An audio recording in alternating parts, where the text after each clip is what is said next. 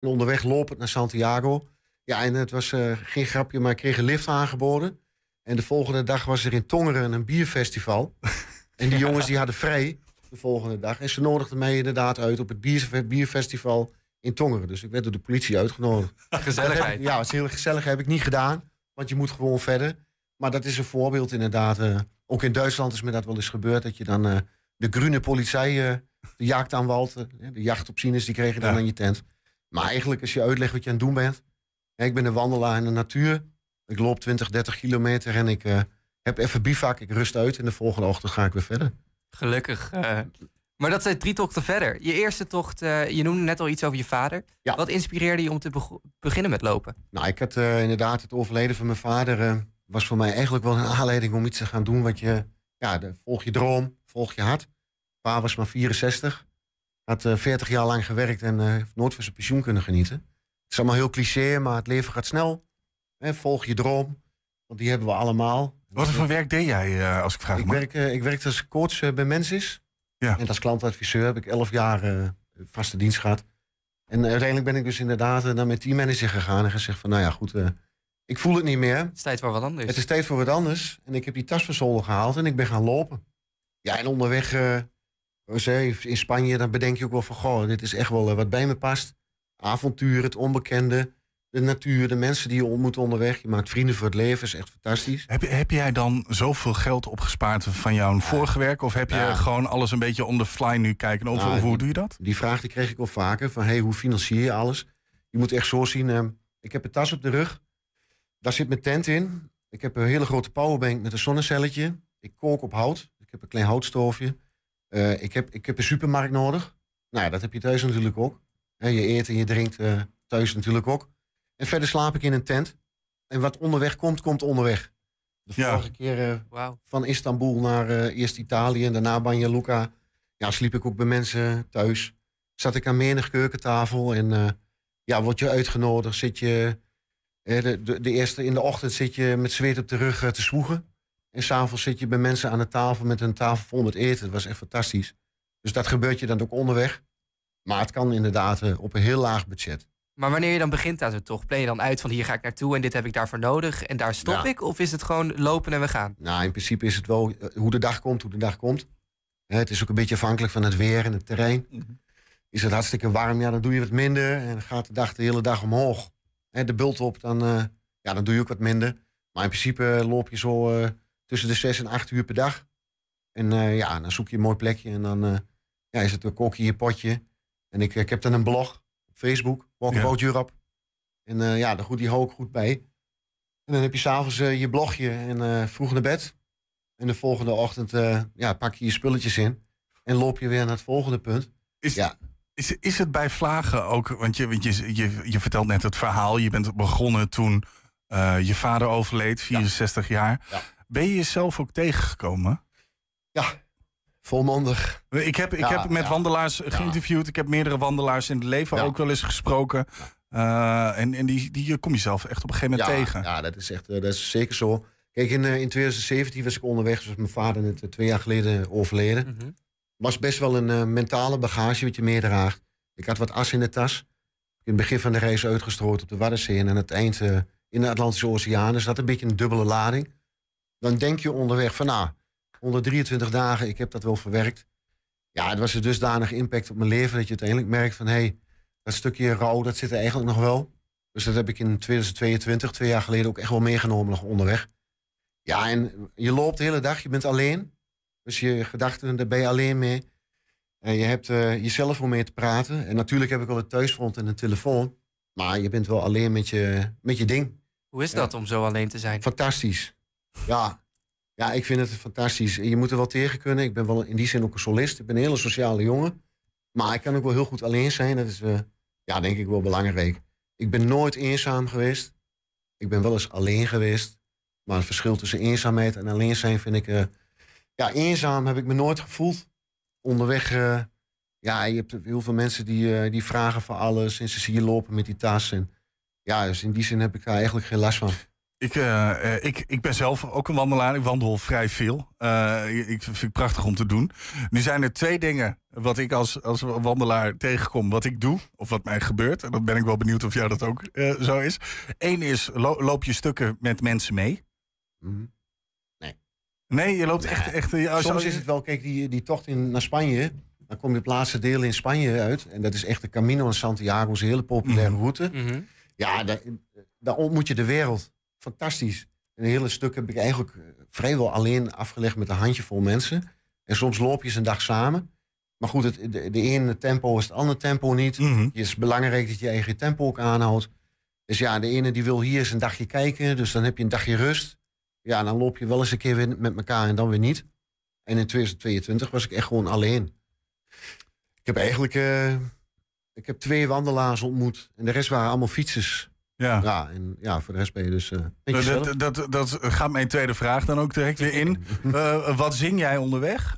Ja, dat is wel een goeie, ja. Top 5. Ehm, nou, muziek. Ik heb natuurlijk wel mijn Spotify'tje. ja. Ik heb wel mijn... ah, heel af en toe doe ik dat eens. Ehm, maar ik ben heel eerlijk. Als je echt ehm, in Servië loopt of in Bulgarije in de Rodopen... dan heb je geen muziek nodig. Daar zing je wel eens en dan neur je wel eens en dan fluit je wel eens. En ik, eh, ik ben lekker gek. Ik praat ook wel eens met mezelf. Je bent je eigen beste raadgever. Mm. Zo simpel is het. Ja. Dus ja, hè, je- dat heb je niet nodig. En ehm, ja, soms dan schiet je wel eens een, eh, een vestje in en dan maak je je eigen lyrics. Nee, het slaat soms helemaal nergens op. En dan denk ik wel eens, van, als mensen mij nu zien, dan ze van nou, we bellen iemand op, een psychiater of zo, en die vent is niet goed. Maar ik heb altijd in mijn hoofd van het witte busje staat om de hoek. Ik kan zo ja, direct instappen. Ja, nou ja, dat ja. Ja, maar goed, zien- ja, wie, hé, niemand die me ziet, dus we kan het schelen. ja, waarom niet? Niemand die je kent Ja, daar. ik heb eh. ook heel veel geschreeuwd, heel veel gescholden, heel veel gehuild. Dat is dan wat gebeurt. En eh, Mhm. soms moet je heel diep gaan ook. En ehm, ja, ik denk dat dat goed is. Ik weet wat er komt straks ook, richting Roemenië. Mhm. Ja, de vorige keer ook, ja, je hebt je voeten kapot. Het is soms eh, over de 40 graden. Ik weet wat er komt. Vermoeidheid, pijntjes, Mhm. al dat soort dingen meer. Maar ja, dat is, eh daar groei van. Dat bouwt karakter. Eh, ja, ik vind dat zelf ja, ik vind dat heel erg mooi. Ja, we, zien- mooi. we zien hier ook wat foto's. de- dat heb, die heb je opgestuurd. Waar, waar is dit precies, waar we nu naar kijken? Dit, is, dit is een pad in Bulgarije, in de Rodopen. S morgens vroeg zat ik zonder water. Stom. Dat is een beginnersfoutje. Dan denk je van, ik heb een hele tocht gehad, maar toch maak je een foutje. Niet water getankt in het, af, in het laatste dorpje. Dus ik had nog eh, 200 cc in de zak. Nou, dan moet je dit de hele dag. En het was een graadje of 30. Dus dan weet je van, ja, ik moet rantsoeneren. Ja. Er komt een dorpje aan over een kilometer of 8, 9. Maar ik weet niet. Ze hadden gezegd van ja, die, die dorpjes daar zijn vrijwel ook vaak verlaten. Mhm. Of er nog mensen zijn, dat weten we niet. Ja, en het was, ja, toeval bestaat niet, daar geloof ik niet in. Het moet allemaal zo zijn. Ik kom daar, daar bovenop. En daar zit een, eh, dat komt dat dorpje in zicht. En daar is het eerste huis met een veranda. En er zitten drie of vier mensen op die veranda. Nou ja, ik spreek een beetje Slavisch. Dus ik kon een beetje uitleggen van ik heb water nodig. Ja, en voor je het wist eh, zat ik aan een tafel met mensen. Ja. Want die jongen die had een naamdag. Ze doen in Bulgarije geen verja- ook verjaardagen, maar ook Ja, twee fe- feestjes. Twee ja. feestjes, eh, super hè. Dan moeten we, een voorbeeld aan nemen. Invoeren hier ook. Maar goed, ik zat dus aan die tafel en eh, ja, daar heb ik vrienden gemaakt voor het leven. Ja, met Georgie. Met Georgie heb ik steeds- nog steeds contact. Zijn ouders die hadden daar een vakantiehuisje in dat dorp. En hij woonde zelf in Sofia. Dus ik werd later ook, een dag of twintig later was ik in Sofia. Ja, sliep ik bij Georgie en met zijn vrouw. In een, eh, ja, zeg maar, hij noemde het zelf mijn communistic style apartment. Ja.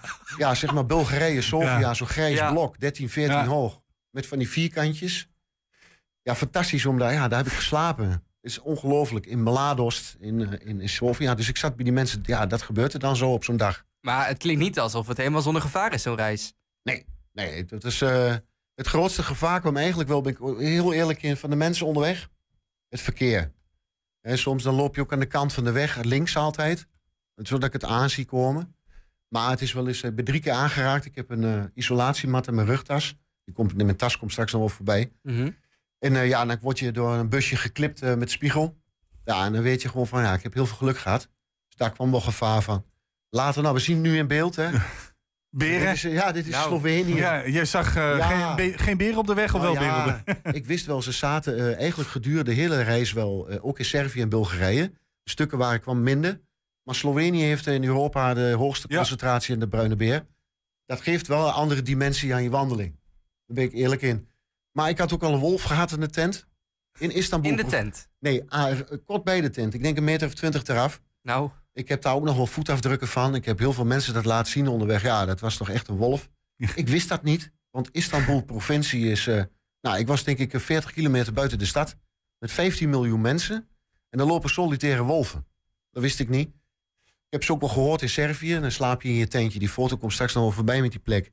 Ja, dan slaap je daar. En dan, eh, ja, dan hoor je wolven s'nachts. En dit dus in eh, Slovenië. Of, of, eh, hier, Ja. hier zien we een hond, erbij. Ja, Is dat uh, trouw viervoeter die meeneemt? Mijn, Of? mijn vriend. Mijn hondvriend. Bandit. Ja, ik liep in Turkije en eh, honden zijn in Turkije een probleem. mhm. Straathonden. Ja, en je bent alleen met je tas. Dus ik heb echt... eh ja, sterfgevaarlijke situaties. Die waren echt de eerste 30 dagen in Turkije was eh, af en toe echt tricky. Met eh, aangevallen door zwerfhonden. Gelukkig allemaal goed gegaan. En op dag 9 kwam hij aan. En hij ging niet meer weg. Dus eh, we liepen samen. En de eerste dag dacht ik van nou, we zien wel eh, hoe ver we komen. En hij sliep s'nachts dus met mijn tent. En de volgende morgen was hij er nog. ja, en dan uiteindelijk, hè, je, je deelt je brood en je deelt je worst en je deelt je, hè, wat je in je tas hebt. En Dan ik had de geen- band op. ja, ja hè, dat wil je eigenlijk niet. Want je weet wel, ik kan niet met die hond de grens over. Ik ging Griekenland in. Dat kan niet. Nee, Ik heb geen papieren. Hoe moet je dat doen? Dus dat, ja, dat lukt niet. Uiteindelijk eh, hebben we zes dagen samen gelopen. En heb ik voor hem gezorgd, eh, onderdak in, eh, in de grote stad in Turkije. Heb ik, eh, ik heb wat contacten in Turkije en eh, ja, daar heb ik onderdak voor, voor hem geregeld. Niet meer op de straat, dus fijn. hij heeft zijn potje en zijn dakje boven zijn hoofd. ja. Ja, emotioneel moment was dat om afscheid te nemen van elkaar. Dat Ja. kan ik me voorstellen. Ja. We- weet je ook waar die zit? Kun je hem nog opzoeken? Ja, nou ja, ik weet waar die zit inderdaad. Maar het opzoeken betekent wel weer... je had toch... Nee, ik doe het niet. Ik heb twee katten thuis. het komt niet goed. Het komt niet goed. Over emotionele momenten gesproken. Ja. We praten nu heel mooi over de twee reizen die je hebt gemaakt Ja. en de reis die je gaat maken. Ja. Ik heb ook begrepen dat je gewoon een vrouw en een kind hebt. Dat eh. klopt, eh, dat klopt inderdaad. dat lijkt me pas emotioneel. Ja, hulde aan hun. Hè, zonder, dit, eh, zonder mijn vrouw en kind, met name mijn partner natuurlijk, is dat gewoon niet mogelijk. Hè, zij staat er volledig achter. Ze liep afgelopen september ook zelf de Camino in Spanje. Zij was ja, natuurlijk wel geïnspireerd door, eh, door alles wat ik had gedaan. Dus zij is eh, afgelopen september zelf naar, eh, naar Spanje vertrokken. Ja, en heeft die Camino gelopen, ruim 800 kilometer. Super veel respect. eh, helemaal buiten haar comfortzone gegaan. Dus Want, want is zij een beetje een wandelaar? Zijn, zijn jullie Nou, van huis uit, zeg maar, mensen die op een wandelvakantie Nee, zouden weet gaan? je, we gaan, nee, nee, we zijn wel mensen die eh eh, Azië-gangers. Ik heb een jaar gereisd in Azië. Toen ik 25 was. Nou, daar ben ik, mijn hart ligt daar wel een beetje. Dus we zijn geen wandelaars in die zin. We wandelen wel eens in het bos. Ook als gezin samen. Mm. Dat vinden we allemaal hartstikke leuk. Maar echt het extreme zoals ik doe, ja, nee, dat is niet aan haar. Maar ze was wel van, ja, verdorie, die Camino, dat wil ik toch wel eens gaan doen. Ja. Dus Ja, zij is De inderdaad... eh, bedevaartstocht. ja, ja, en het was voor haar wel een eye-opener. Want ze heeft zich eigenlijk het is heel moeilijk om je te verplaatsen in wat ik heb meegemaakt en wat ik heb gedaan. Maar nu zij dat gedaan heeft, is ze wel meer. Ja, ze zegt, ik heb meer begrip voor. Mhm. Maar goh, wat jij allemaal. eh is toch heel anders, hè? Met zo'n tentje. En ze sliep dan in de albergen, onderweg met een bed en een douche. En, ja, dat is voor mij wat anders. En, eh, maar goed, heel inspirerend dat zij toch eh, ja, haar ding heeft gedaan. Dus ze staat er volledig achter. Nou, dat is fijn. Ja. Hoe is het om dan zo je dochter te moeten te missen? Ja, dat is natuurlijk je, wat je mist is fysiek, hè? Ja. Je hebt geen knuffel en een kus. Maar gelukkig leven we in een tijd met FaceTime. Ja, ik wou net zeggen, Ja. volgens mij kun je goed genoeg bellen. Dat gaat, eh, dat gaat heel goed. En ehm, ja, ik heb een dochter die weet wat tikt. Waar, het, waar de klepel hangt in die zin. Die weet wat er bij papa leeft en speelt. Mhm. Ik vind het ook heel belangrijk dat een kind leert. Dat wij als ouders, hè, we zijn getrouwd, gelukkig getrouwd. Maar we hebben wel allebei, we zijn al- allebei aparte karakters. We hebben allebei aparte dromen hè, en andere doelen. Ja. Dat je, dat, elkaar, eh, dat je daar elkaar in ondersteunt. En, en toch ook individu kan zijn in een huwelijk. Ja, dat vind ik heel belangrijk. Het is echt geven en nemen. Nou ja, dat vinden we wel mooi dat zij dat ook eh, zo ziet. Helpen ze ook bij je tas inpakken? Nee, nee, dat doe we zien, hem- we lekker zien hem hier nu. Nee, ja, mijn tas is wel mijn vriend. En je wandelstok. Ja, ja, die kreeg ik van de Turken onderweg. In, eh, in, een, eh, in een theehuis. Want ik had een stok gemaakt. Nou, daar vonden ze niks. Die braken ze echt op de knie. Mag je, mag je in, in de microfoon? Ja, sorry. Is dat goed? Die braken ze, de stok die braken ze in de, door midden en die gooiden ze het houtvuurtje. En toen kreeg ik deze. Een, een propere wandelstok, zeiden ze. Stukken beter. Ja, handig. Eh, hè, zoals je ziet, een kledingrekje. Maar ik, ja, als ondersteuning natuurlijk ook. Ehm, ik, gebruikte, ik gebruikte hem om door de bosjes te hakken, want soms was er geen trail.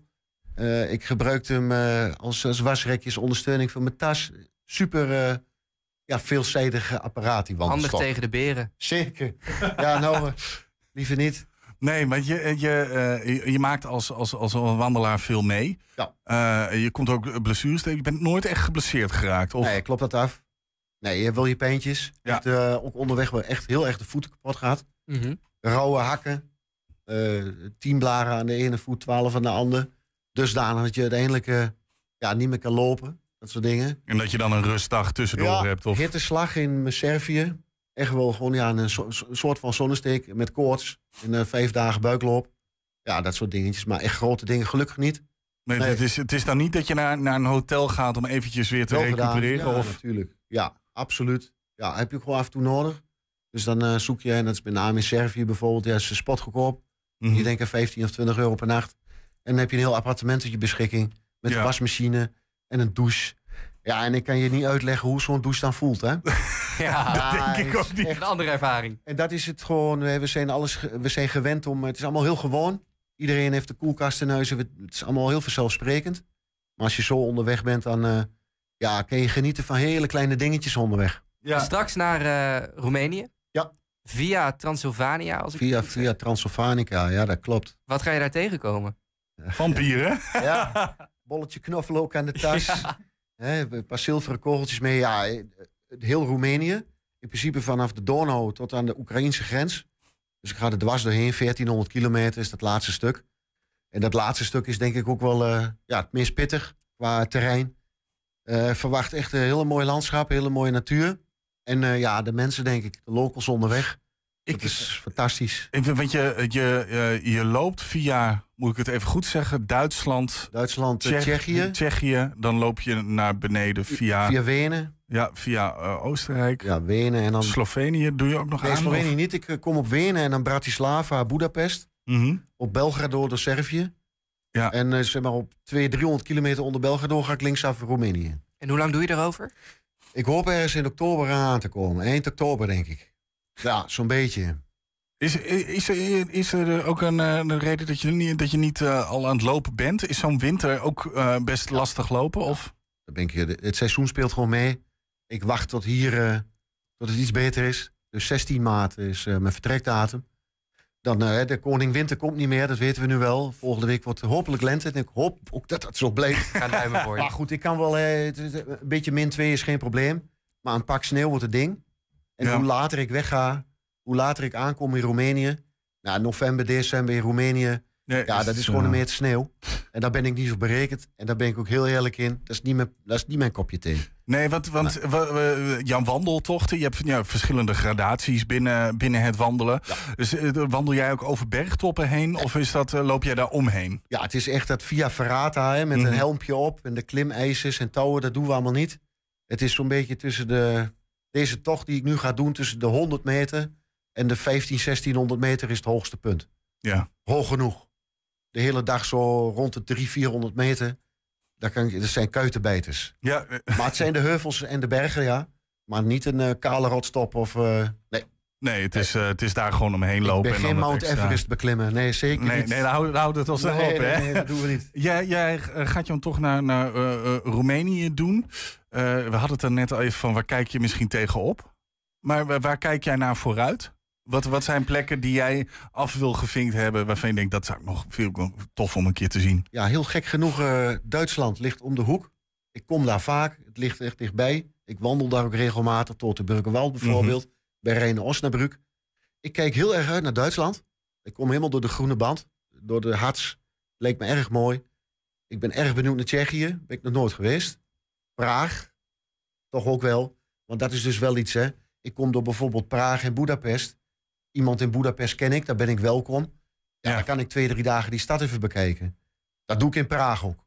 Hè, dan ben je daar, dat is natuurlijk een kans. Als je zover hebt gelopen, dan heb je echt Vind schuld om even te kijken. Even Ja. twee dagen rust. Maar goed, eh, ja, eh, daar keek ik erg naar uit. Ik keek erg uit naar Servië. Want Servië was vorige keer echt de highlight van mijn tocht. Niemand zou dat verwachten, maar het is toch echt... eh, ja, qua gasvrijheid is onvoorstelbaar. Daar heb ik dingen meegemaakt, ongelooflijk. Nou, vertel eens. Nou ja, goed, dat iemand jou bijvoorbeeld uitnodigt in huis. Iemand die jou helemaal niet kent. En die geeft jou een sleutel. En die zegt, hier is de wifi. Daar is de badkamer. En wij gaan nu weg, want we hebben een feestje. En dan sta je daar. Zeg maar, en ik dan? Ja, maar je kan hier gewoon blijven, joh. Dan sta je dus in iemands huis. Die je net van straat af heeft gehaald. Die ken ik net drie minuten. En die vertrouwt mij zijn hele woning toe. Daar lag van alles, hè. Hij was, nota hij was architect. Er lagen papieren, een laptop. Gewoon je huisraad. Bij jou thuis. En eh, in Belgrado hetzelfde. Daar kwam ik bij iemand in huis. Die zei van, hier is mijn sleutel.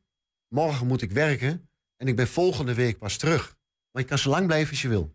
Leg de sleutel maar onder de deurmat als je klaar bent. Nou, dat is iets... eh, ja, heb je het over dankbaarheid. Nou, daar groeit je hart van voor zoiets. Daar word je heel nederig van. Ja, en dan heb je uiteindelijk ook het gevoel van dankbaarheid zo ontzettend groot. Ja, dat is gasvrijheid. Dat kennen we hier niet. Zou jij dat doen? Nee, Nee. Nee, dat is het hem. dat is het hem. Hè? En waarom doen we dat niet? Dat is wel waar we het dan onderweg wel eens over hadden. Mhm. Ja, daar is het heel gewoon. Van joh, maar waarom niet? Waarom niet? Mijn huis is jouw huis. Ik deel graag. Ja, soms kom je dus bij mensen thuis in Turkije bijvoorbeeld. Ja, die hebben niet veel. Maar die delen alles met je. Ja, dat is iets... eh ja, daar kunnen wij echt wel wat van leren, ja. Ja, als je dan terugkomt, baal je dan ook wel eens dat je denkt, oh, de Ja. mentaliteit is hier anders. Ja, weet je wat het is? We hebben hier 365 dagen. En we staan met oud en nieuw bij elkaar. Goh, wat ging het jaar weer snel. En wat heb je eigenlijk gedaan dan, dat jaar? Heb je echt gedaan wat je echt wil? Heb je alles eruit gehaald wat erin zit? Ben je uit je comfortzone gegaan? Of doe jij maar weer wat opgedragen wordt? Wat je eigenlijk al jaren doet. En een droom die je hebt, hè, die, die stop je maar weg. Ja, ik heb heel vaak gezien helaas dat het ook anders kan. Hè. Je knipt met de vingers en het is voorbij. Ja, het is heel cliché, maar pluk de dag. En als je een droom hebt, hè, je hoeft geen 6000 kilometer, 4000 kilometer te lopen. Maar als je eens denkt van, goh, ik wil ooit de postzegelverzameling beginnen. Dan moet je dat nu gaan doen. En niet wachten tot morgen.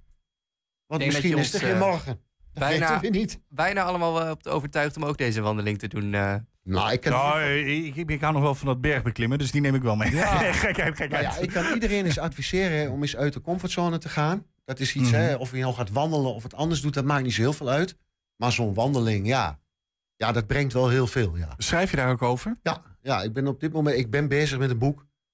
Maar goed, eh, ik had gedacht van, oh, dat doe ik even. Maar het schrijven van een boek is een ding. Dat doe je niet zomaar. Dat moet ook natuurlijk 100% goed. Ik zit in de editfase, Mhm. dus het is al wel, het staat er. Maar het moet nog... eh, En dat gaat dan over jouw eerste tocht? ja, nee, dit, eh, de, echt het, eh, ja, het is dus een beetje mijn geschiedenis, zeg maar. Mhm. Het verloop van mijn leven. Want ik, had wel het, eh, ik heb nog wel wat gezien en gedaan in mijn leven. Eh, dat neem ik mee onderweg. En inderdaad, het laatste avontuur eh, van Istanbul naar Italië en van daar naar, naar Bosnië. Ja, daar schrijf ik dan een boek over. Is nog niet klaar. Dus eerst Dan mijn kunnen we nog even afwachten. Maar mensen we- kunnen jou wel online Ja, volgen. mensen kunnen me inderdaad online volgen via Facebook. Is het een blog of een vlog? Een blog. onder de naam van Walkabout Europe. Ja. Walkabout Europe. En, en, want, want, eh, dat wil ik nog heel even, want ehm, je, het is alleen een blog. Ja. Heb je nooit gedacht om er een vlog van te maken, om jouw Nou ja, beelden ik- vast te leggen? Wat ik doe is, eh, ik schrijf eh, dagelijks in principe dag 1, dag 2, tot dag, eh, vorige keer dag 181 waren het. Dan schrijf ik dagelijks mijn, eh, mijn ding. Wat ik meemaak, wat ik voel, wat ik ervaren heb. Daar doe ik de foto's bij. Ik maak wel veel fotootjes onderweg. Dus het wordt een postje met foto's en een verhaaltje. En ik film af en toe. En dat doe ik gewoon lekker live. Dus what you see is what you get. Live oh, dus het is gewoon een, een live... een live eh, feed ja. en ik knip niks, ik doe niks. En dat zijn dan vaak hè, op de diepe dalen en de hoge pieken dat ik dat ding aanzet. Dus dan zie je mij of heel euforisch, ja. of eh, huilend, scheldend, ja. of wat ook maar. Het is ja, best wel. Dat is rauw, maar echt. Daar hou ik van. En ik, hè, mensen die zeggen wel eens van je moet naar YouTube of een, een betaald kanaal of weet ik veel. Nou, dat wil ik niet. Ik vind dat die content moet zijn voor iedereen. Die inhoud moet, moet bereikbaar blijven voor iedereen. Dus ja, als je volgen wil, dan, eh, dan kan je dat lekker doen. En eh, ja, ik zeg altijd tegen mensen die geen Facebook hebben, maak even gewoon een profieletje aan. Mhm. Gewoon om te volgen. En dat zeg ik alles. Ja, ik, eh, ja, ik vind het ook leuk om te delen. Ja, en, eh, ja, en dat is dan mooi als bijvoorbeeld iemand van 80 reageert. Ik ben nog gezond. ik eh, ga eh, twee weken lopen in Portugal. Nou, dat is heel aandoenlijk. Dat, Ja. dat, dat soort berichten kreeg je dan. En dan Doet je ik, goed? ja, natuurlijk. Het is fantastisch als je mensen kan inspireren. Ja, ja en dat is dus hè, heel dicht bij huis gekomen vorig jaar, mijn vrouw. Die dan Mhm. zelf zegt van nou, dat ga ik ook doen. Ja. En zij zegt ook nu, ja, is een levensveranderende gebeurtenis geweest. Dat raad ik iedereen aan. Dus ja, als je gezond beleven leden, van leven leden bent, dan eh En, eh, aanraden, ja. En eh, je, je, gaat, er gaat de 16e? Ja. 16 maart? 16 maart. Ja. Heb je, moet je nog voorbereiding doen of heb jij eigenlijk de tas al wel klaarstaan? Nou, die tas die staat, gewoon, die staat eigenlijk chroni- chronisch in de hoek. Die staat altijd klaar. Altijd in de weg voor, voor de, Ja, de- de ja, vier nou, maanden wat eh, over is. De laatste, paar, de laatste twee weken waren we een beetje grieperig in huis. Dus hebben snottenbellen overal, dus eh er wordt er niet gewandeld. Eh, ik stress mijn lichaam niet te veel van tevoren nog. Maar ik eh, zo een paar keer in de week die tas op en dan maak je even een tochtje. Ik ben wel gewend aan het wandelen met die tas. Maar je kan je niet, je kan je niet fysiek voorbereiden op eh, zes maand, acht maand, vier maand wandelen. Dat moet je eh, gewoon doen. Dan moet je gaan, uiteindelijk train je wel onderweg. Dat is ook hoe het is. Ja, je kan je fysiek wel voorbereiden. Zorgen dat alles in orde is. Ten- In tegenstelling tot die eerste tocht die ik maakte. Toen wist ik van helemaal niks. Eh, groentje onderweg. Veel te veel gewicht op de rug. En verkeerde schoenen en weet ik allemaal wat. Nou ja, goed, dat ik kan me nog allemaal herinneren van de eerste keer dat ik ging lopen. Dat, eh, je grabbelt wat van zolder en dan ga je weg. Nou, dat is nu wel anders. Hè. Je hebt het wat professioneler voor elkaar. Goed tentje, goede tas enzovoort. Je weet wat je wel moet doen. Je weet ook wat je niet moet doen. Ja, goed. En dan zie je toch, hè, dus die vorige tocht, een waterfoutje bijvoorbeeld. Van, oh shit. Ja, dat eh, weet zeker, dat komt met de ko- komende tocht gaat het weer gebeuren. Laat maar gebeuren. Lekker. Het onbekende, hè? Niet weten wat er komt morgen. Dat is fantastisch. Roel. Roel Gaasbeek, dankjewel voor je komst in de studio. Eh, en laat je even weten wanneer je weer veilig thuis bent. Ja, komt goed, hè? Succes. En mensen kunnen je volgen dus op Walkabout Walkabout Europe. op Facebook. Ja, Kijk eens aan, Roel doen. Gaasbeek, dankjewel. graag gedaan. Heb je een tip voor de redactie? Mail dat dan eventjes naar redactie-120.nl. Ja, en zometeen luisteren naar een column geschreven en voorgedragen door Ben Siemerink. 120. 120 vandaag. Vorig jaar vond het tv-programma Ster op het doek. En nu, een jaar later, mag ze zich een bekendheid noemen. We hebben het over de hengeloze portretschilder Renske Schild. Ook sleepte ze al twee nominaties binnen voor de Nederlandse Portretprijs. Een knappe prestatie. Zeker als je bedenkt dat de hengeloze nog maar een paar jaar bezig is als portretschilder. Nou ben ik het aan het inolieën. En dan haal je gelijk de kleuren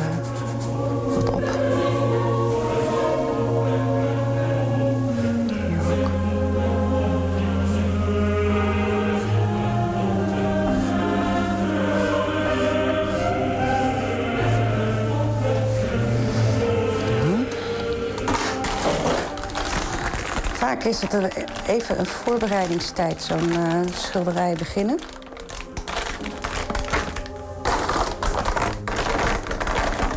Kleur mengen, eh, nadenken over wat je gaat aanpakken.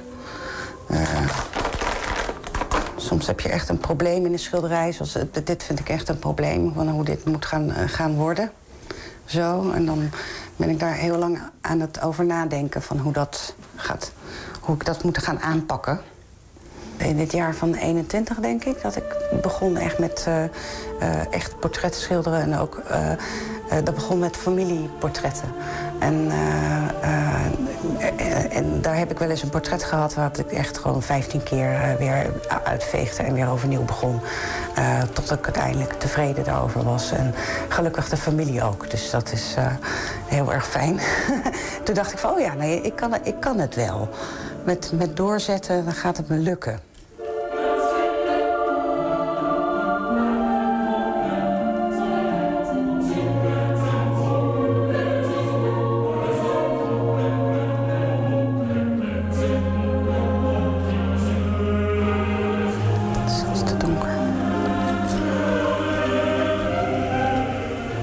Vaak is dat schilderen ook gewoon een beetje uitproberen.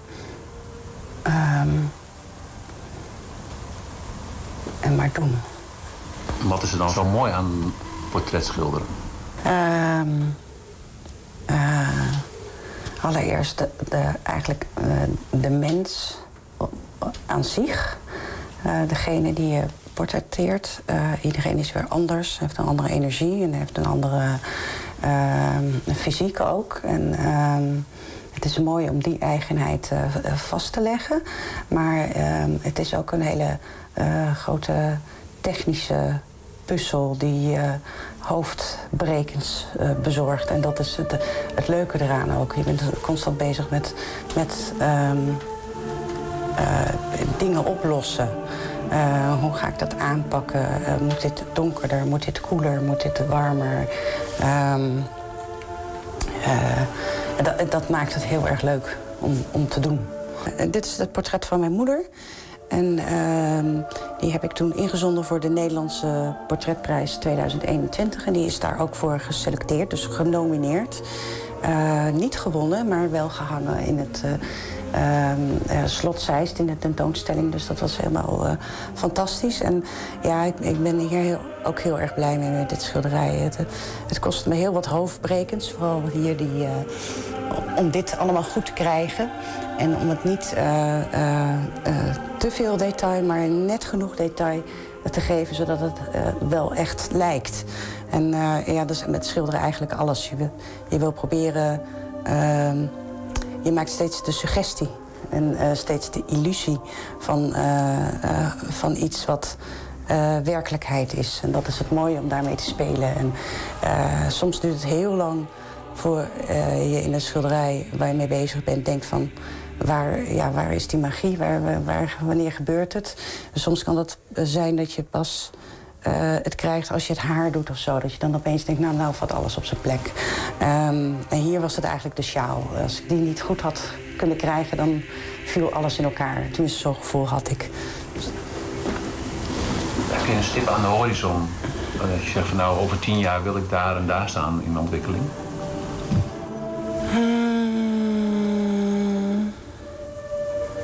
Nou, dat vind ik een hele lastige, want eigenlijk wil ik dat nu al. dat, wat, wat, ik, wat ik zou willen. Maar um, um, ik heb niet, niet echt een richting. Wel, wel wat ik graag zou willen uitproberen nog qua uh, technieken en zo. En uh, uh, toch proberen om die portretten toch, toch wat losser schilderen en daar meer in oefenen. Um, Um, een, uh, een solo-expositie maken, een hele serie wil ik maken. Daar heb ik wel ideeën over van wat, wat dat moet gaan worden. Maar dat, dat moet nog uh, allemaal gemaakt worden. En ik heb nu opdrachten, dus dat, dat komt dan weer niet. Dus, um, um, maar eigenlijk gaat het ja, meer om jezelf steeds te verbeteren... of steeds uh, uh, handiger manieren te vinden om bijvoorbeeld de kleuren te mengen... of om, uh, om, om zo'n passage te maken. En ja, gewoon altijd blijven leren, denk ik. Dat voornamelijk.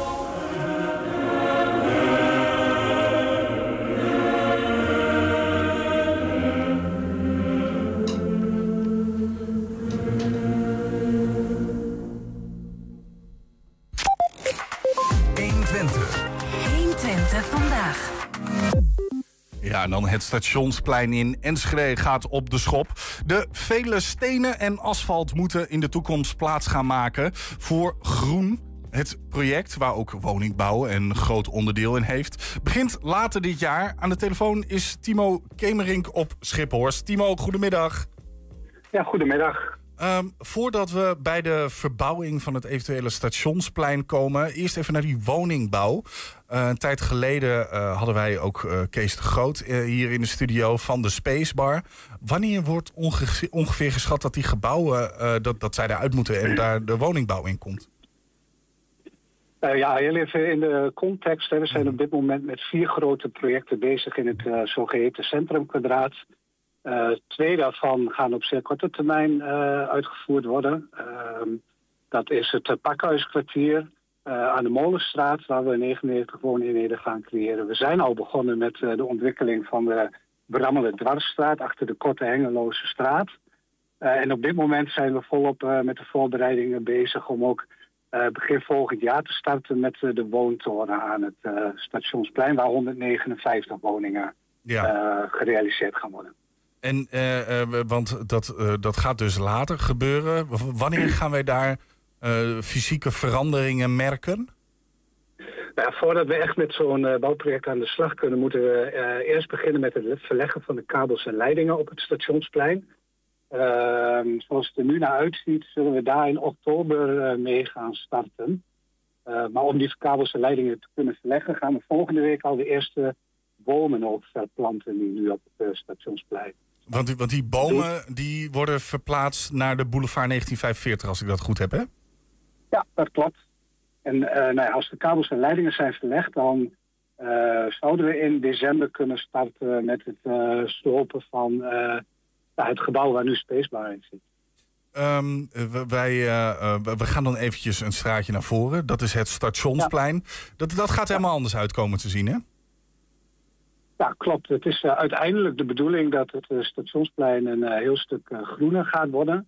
Hoe dat er precies uitkomt zien, dat, ja, dat weten we nog niet precies. Hè. Daarvoor is het nodig dat we eh, eerst een eh, communicatie- maar ook participatietraject gaan eh, optuigen. En we denken met het ontwerp niet eerder dan in 2026 eh, aan de slag te gaan. Want dat, omdat, dat, dat- we niet, nee, ga verder. Ja. omdat we niet eerder dan in 2027 het stationsplein gaan herinrichten. Omdat dan ook de gebouwen rondom het stationsplein eh, gereed zijn. Wat, eh, wa- wa- wat kunnen de burgers dan, dan verwachten waarin zij eh, een medezeggenschap mogen hebben? Over welke eiken er komen, of welke, waar een bankje komt te staan, of, of hoe? Nou, we willen samen met belanghebbenden willen we een soort van programma van eisen gaan vormgeven. Waarin we ja, allemaal de kans krijgen om input te leveren op wat vinden we nu heel erg belangrijk, wat er terugkomt op het stationsplein. En dat is dan de basis om ook eh, nou de ontwerpers eh, mee aan het werk te zetten. Eh, je, je, je hebt momenteel nog vrij veel verkeer, asfalt op, Ja. het, op het stationsplein liggen. Gaat het daar allemaal weg dan? Of komt dat gereduceerd nogal terug? Nou, het bestemmingsverkeer hou je altijd, maar het halen en brengen van het station en ook de taxis, daar zijn we nu ja, naar op zoek waar we die kunnen eh, laten landen in de toekomst. Ja, want ik, ik eh, heb in eh, eh, 2019 waren er plannen dat het station de, de, entree aan de andere zijde zou krijgen. De, is daar ook, wordt daar dan ook rekening mee gehouden van dat het misschien daarnaar verplaatst kan worden, dus aan het begin Molenstraat?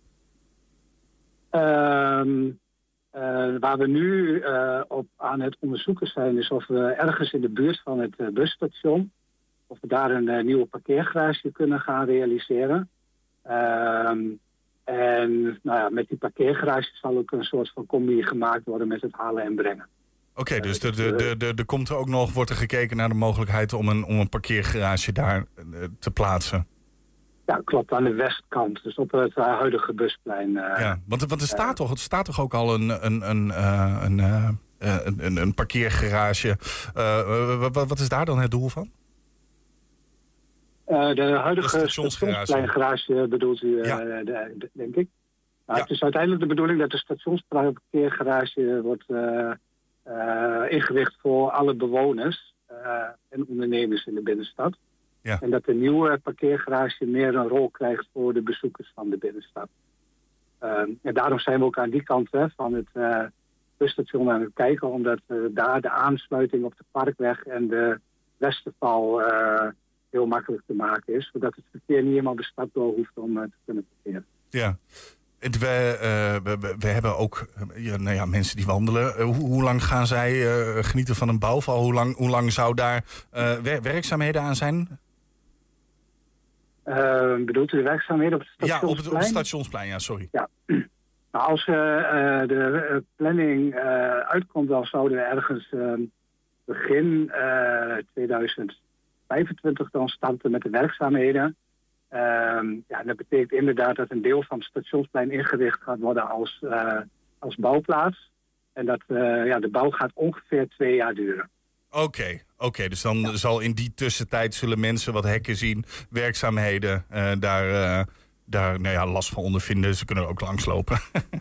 Nee, ja, we, we proberen het wel kwalitatief af te scheiden. Dus we zijn al met Enschede promotie aan het nadenken over wat voor manier we dat ja, op een goede manier kunnen doen.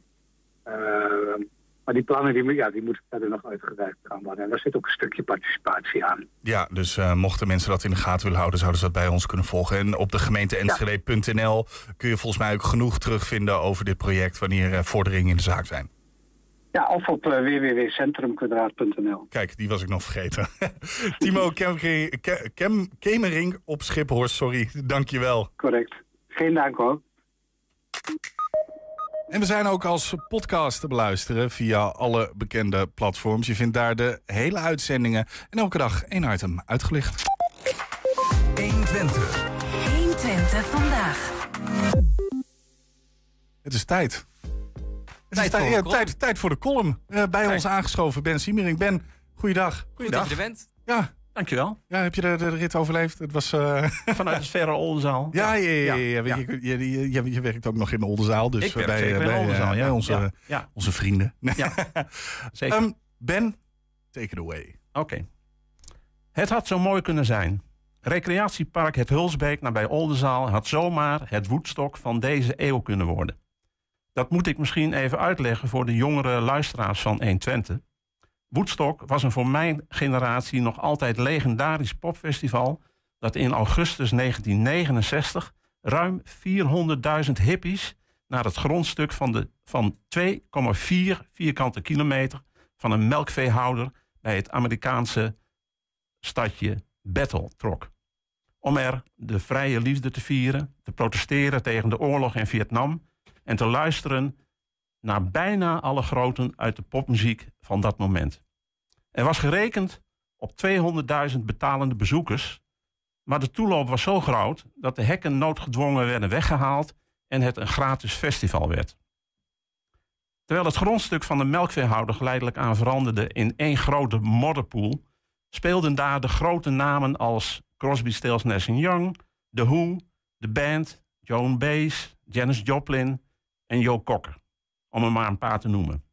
Jimi Hendrix ranselde daar zo'n door de ziel snijdende versie van het Amerikaanse volkslied uit zijn Fender Stratocaster, dat het Star, Star Spangled Banner daarna nooit meer hetzelfde klonk.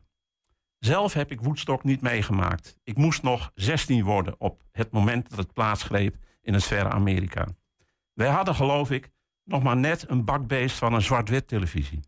Waarop Griet Titulaar rondreed met, met een fiets, met daarop een futuristisch visioen van een mobiele telefoon. Internet, social media was een verre droom. Toch werd Woodstock en alles wat daarbij hoort de soundtrack van mijn leven. Die trouwens heden ten dagen nog altijd doorklinkt in allerlei tribute bands. Zoals de Fortunate Sons van de Almeloze kroegbaas Toon Epping... die binnenkort het repertoire van Creedence Clearwater Revival gaat naspelen in de Ziggo Dome. Niet voor, 100.000, niet voor een honderdduizend koppig publiek... zoals het origineel tijdens Woodstock, maar toch altijd nog wel 17.000. Tot zover opa Ben vertelt. Terug naar het Hulsbeek bij Oldenzaal. Op dat prachtige recreatiepark had de organisatie van het Sci-Fi Festival het oog laten vallen. Toen het vanwege bezwaren uit de hoek van natuur en milieu niet langer gehouden kon worden op het terrein onder de rook van Leeuwarden. Omdat het recreatieschap Twente als beheerder van het Hulsbeek al snel groen licht gaf, vooral omdat het de kassen houden rinkelen, ging de organisatie voortvarend aan de gang met de voorbereidingen. Er werd een gelikte website opgetuigd met imposante, imposante droombeelden van het Hulsbeek en zalvende teksten in het Engels over asbakjes en afvalzakken van gerecycled plastic om een internationaal publiek, zeg maar de hippies van deze tijd, te lokken. Intussen waren er al een paar Hulsbeek-ondernemers overgehaald om mee te doen, zodat die ook een graantje mee konden pikken. Er werden verkennende gesprekken gevoerd met de gemeente Oldenzaal. Wat daar pre- precies besproken is, weet ik niet. Maar wat ik nu wel weet, is dat de organisatie van het festival daaruit opmaakte dat het wel goed zou komen als het daadwerkelijk een vergunning zou worden aangevraagd. En ging dus vrolijk door met de voorbereidingen. Op de site werd de ticketverkoop opengesteld en er werden ook alvast zo'n 200 acts gecontracteerd. Terwijl de gemeente Oldenzaal zich in afwachting van de vergunningaanvraag afzijdig hield, groeide het verzet tegen het festival, waarvan niemand precies wist wat het ging worden. Er kwam een infoavond, waar de organisatoren tegen een vijandige muur van onbegrip en onwil opliepen. Van ondernemers, van natuur- en milieuorganisaties, van omwonenden. Niet veel later mengde ook de Oldenzaalse politiek zich in het koor van tegenstemmers. Nog altijd geen aanleiding voor de organisatoren om een pas op de plaats te maken. Integendeel, op de gelikte site stroomden de reserveringen binnen voor een festivaltickets voor drie dagen, een plek op de camping voor vijf dagen, plus een gratis asbakje en een gratis afvalzakje van recycled plastic. Toen de vergunningsaanvraag dan eindelijk was ingediend, duurde het niet lang voordat de gemeente Oldenzaal licht in de duisternis kon brengen. Het festival paste niet binnen het geldende bestemmingsplan voor het Hulsbeek, vanwege de omvang en de impact. In gewoon Nederlands de meer dan 10.000 festivalgangers die gedurende het driedaagse festival ook vijf dagen en nachten op een camping zouden verblijven, waren simpelweg meer dan het recreatiepark aankon. Wat er nog bij kwam, dat het Hulsbeek midden in het hoogseizoen bijna een maand lang grotendeels niet beschikbaar zou zijn voor de hoofdbestemming dagrecreatie. Tja, daar viel formeel weinig tegen in te brengen. En dat deed de compleet verbaasde en verraste organisatie dan ook niet. Er werd nog wat tegengesputterd, maar uiteindelijk restte diezelfde organisatie 6000 verkochte tickets en aanzienlijke aanloopkosten ten spijt niets anders dan de stekker eruit te trekken. En zo is Twente dus een tweede voetstok door de neus geboord. Rest de vraag waarom het zo is fout gelopen. Valse verwachtingen, naïviteit bij de organisatie, gebrekkige communicatie over en weer, angst voor het onbekende, stemmingmakerij. Waarschijnlijk een combinatie van dit alles. Maar misschien is voor het Sci-Fi Festival nog niet alle hoop verloren. Laten we even teruggaan naar het Woodstock Festival in 1969. Dat zou aanvankelijk worden gehouden in een stadje op zo'n 100 kilometer van New York. Na protesten van de inwoners al daar moest er in alle eil worden uitgeweken naar een andere locatie. Die werd dus gevonden op het grondstuk van melkveehouder Max Jesgoer. Die een voor hem lucratieve deal sloot voor 75.000 dollar. Ik weet niet hoe hoog dat bedrag omgerekend in euro's nu zou zijn, maar ik kan me niet voorstellen dat er niet ergens in Twente een melkveehouder is die in deze benarde tijden van verstikkende stikstofregels een paar hectare weidegrond voor een paar weken beschikbaar wil stellen tegen een lucratieve vergoeding. De column van Ben Siemerink. Ben, hartstikke bedankt. Dankjewel. Graag gedaan. En daarmee is er ook een einde gekomen aan 120 Vandaag van Vandaag. Terugkijken, dat kan direct via 120.nl. En vanavond om 8 en 10 zijn wij ook op televisie te zien. Zometeen op de radio Henk Ketting met de kettingreactie. Veel plezier en tot morgen. Thema beveiliging staat voor betrokkenheid, adequate optreden en betrouwbaarheid. Waar de concurrent stopt, gaat thema beveiliging net een stap verder. Thema beveiliging levert alle vormen van beveiliging voor zowel de zakelijke als de particuliere markt. Thema Beveiliging. De beveiligingsorganisatie van het